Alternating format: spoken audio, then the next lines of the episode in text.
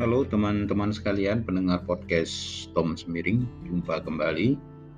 E, pertama-tama saya ingin mengucapkan turut berduka cita bagi Anda sekalian yang barangkali memiliki anggota keluarga yang berpulang karena COVID-19. Saya juga baru mengalami, meski mungkin bukan keluarga, tetapi sudah dianggap keluarga, ada kerabat yang berpulang karena COVID-19 dalam beberapa hari ini. Dan di beberapa WA group yang saya ikuti, baik di profesi, baik itu di komunitas, juga belakangan, ya terutama di hari ini saja sudah ada kabar dua orang meninggal karena COVID-19. Dan bagi Anda yang mengalami atau sedang melakukan isolasi mandiri, saya turut bersimpati dan semoga Anda tetap semangat, lekas pulih dan bisa menjaga pikiran agar tetap berpikir positif dan bisa melewati eh, fase-fase uh, uh, isolasi mandiri dengan baik agar bisa kembali beraktivitas dengan normal meski terbatas di rumah saja. Rekan-rekan sekalian, eh, peningkatan kasus COVID-19 dari yang tadinya hanya ribuan per hari menjadi puluhan ribu, ini bukan sesuatu yang biasa-biasa saja, ini merupakan kasus yang luar biasa, sehingga perlu disikapi dengan juga cara yang luar biasa. Ya, not business as usual gitu ya, agar uh, kita bisa lebih terjaga mengingat uh, penyebaran kasus COVID-19 sekarang ini semakin terbilang mengerikan. Uh, setiap hari kasus-kasus kematian baru, kasus terjangkit baru itu ada di sekitar kita.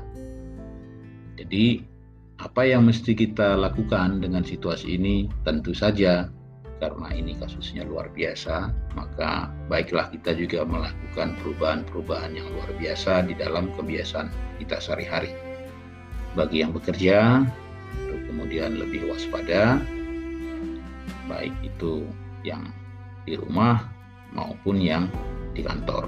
Terlebih di kantor karena masih akan ada interaksi dengan berbagai teman yang kita tidak tahu dia kemarin bersama siapa dengan siapa berbuat apa kita tidak tahu dan untuk itu kita perlu semakin lebih uh, waspada ya. Termasuk bagaimana kita mulai mengatur kehidupan kerja kita bagi yang di kantor. Apakah maskernya barangkali perlu dilapis dua seperti anjuran beberapa um, ahli gitu ya. Ataukah kebiasaan kita yang masih toleran untuk makan bersama dengan rekan-rekan barangkali perlu disesuaikan. Apakah mungkin untuk bisa membeli makanan atau membuat makanan dari rumah bawa bontot misalnya mungkin sedikit merepotkan tetapi mungkin lebih aman. Timbang kita harus pergi ke warung makan atau makan dengan teman-teman dengan jarak yang tidak aman gitu ya. Atau mungkin perilaku ketika kita menggunakan transportasi bisa dipertimbangkan ulang. Kalaupun terpaksa menggunakan transportasi umum, barangkali bisa memilih waktu-waktu yang tepat untuk pulang dalam keadaan yang lebih relatif tidak ramai begitu. Artinya semua kemungkinan-kemungkinan penularan itu kita bisa antisipasi dan perketat ya. Perketat.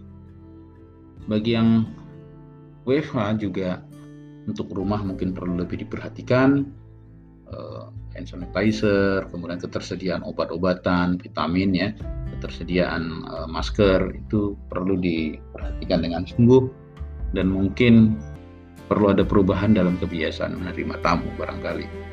Kalau biasanya kita mungkin menerima keluarga gitu ya atau tetangga, mah sekarang mungkin kita perlu melakukan pembatasan apakah mungkin hanya keluarga dekat saja atau bahkan bila memungkinkan uh, tidak menerima kunjungan dari siapa pun dulu ya.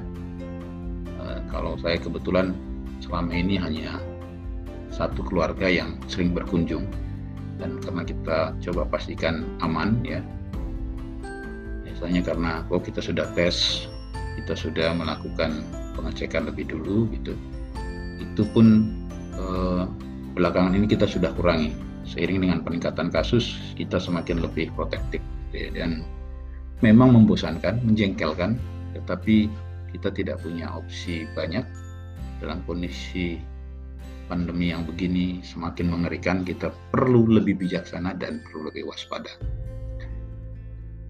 untuk teman-teman yang belum melakukan vaksinasi, mohon untuk kemudian segera melakukan vaksinasi. Ya.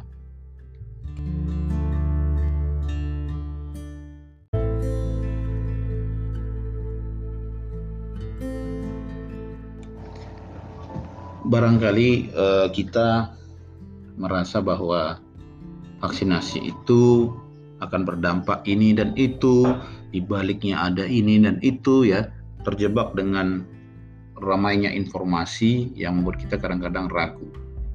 Dalam kondisi saat ini, satu-satunya yang perlu kita pegang adalah itikat untuk mengupayakan yang terbaik. Ketimbang kita hanya larut dalam ketakutan, mari bangun itikat untuk memilih agar kita ada perjuangan melawan COVID-19 ini. Salah satunya dengan melakukan vaksinasi. Nah, Jangan sampai kemudian kita terjebak dengan berbagai informasi lalu takut sendiri, bingung sendiri dan akhirnya kita berisiko ya terkena dan berisiko juga menjadi carrier, pembawa. Saya lebih takut menjadi carrier itu karena kalau kemudian saya mungkin membawa dan tidak apa-apa, tapi bisa saja saya membawa virus ini ke orang-orang tertentu yang menyebabkan dia sakit atau bahkan dia mati. Nah, itu lebih mengerikan lagi. Jadi, mari melakukan vaksinasi ya mengetatkan prokes dan yang kedua mari supaya kita itu ya lebih bijaksana ketika kita berinteraksi dengan orang yang positif COVID, jangan sampai kita takut lalu menghindar. Karena ada perilaku demikian yang membuat orang itu berpotensi menjadi penular ya. Misalnya dia punya teman atau punya kerabat atau ada orang yang dia baru berinteraksi dan COVID karena takut dia hanya mencoba merenung dan merasa rasakan badannya apakah ada gejala atau tidak lalu merasa oh tidak ada gejala lalu kemudian memutuskan untuk uh, tidak pergi melakukan tes dan beraktivitas seperti biasa hati-hati hati-hati sekali yang begini ini yang sering kali membuat kita menjadi lalai ya. Dan kelalaian ini bisa berbahaya dan membahayakan orang lain. Karena biasa saja kita merasa oh saya nggak ada kenapa-kenapa kok. Dia yang covid saya nggak. Dia positif saya nggak. Jangan sampai berpikir begitu. Kalau kita ada interaksi dengan orang yang positif segera kemudian melakukan tes ya. Apakah swab antigen apakah tes PCR ya. Jangan sampai kita tidak uh, melakukan tes ini masih banyak terjadi apalagi ada yang uh, mungkin tidak sadar betapa berbahayanya kalau kemudian dalam dugaan-dugaan kita kita merasa aman lalu kita menjadi carrier bagi orang lain. Hari ini yang bisa menyelamatkan situasi kita adalah kita sendiri, bukan orang lain. Hari ini yang bisa menghentikan pandemi ini adalah kita, bukan orang lain. Anda bisa menunggu, menuntut, bahkan marah terhadap pemerintah, tapi mari juga melakukan otokritik melihat perilaku kita sehari-hari itu seperti apa dan menutup celah di mana uh, interaksi kita mungkin bisa membawa virus. Mari kita lebih bijaksana, mari kita lebih waspada, mari kita juga tetap uh, berpikir positif dalam arti kalau misalnya pun kena kita sudah melakukan persiapan seperti misalnya ya membayangkan membuat skenario di rumah itu kalau saya harus isolasi mandiri seperti apa obat-obatan vitamin dan sebagainya itu mungkin saya perlu siapkan ya. Kalau perlu misalnya merancang skenario nya kalau misalnya saya kena siapa orang yang akan saya hubungi siapa yang kemudian perlu saya uh, telepon untuk kemudian memberitahu untuk membantu saya, mendukung saya melewati masa-masa sulit gitu ya kalau misalnya bagi yang kerja rantau gitu ya.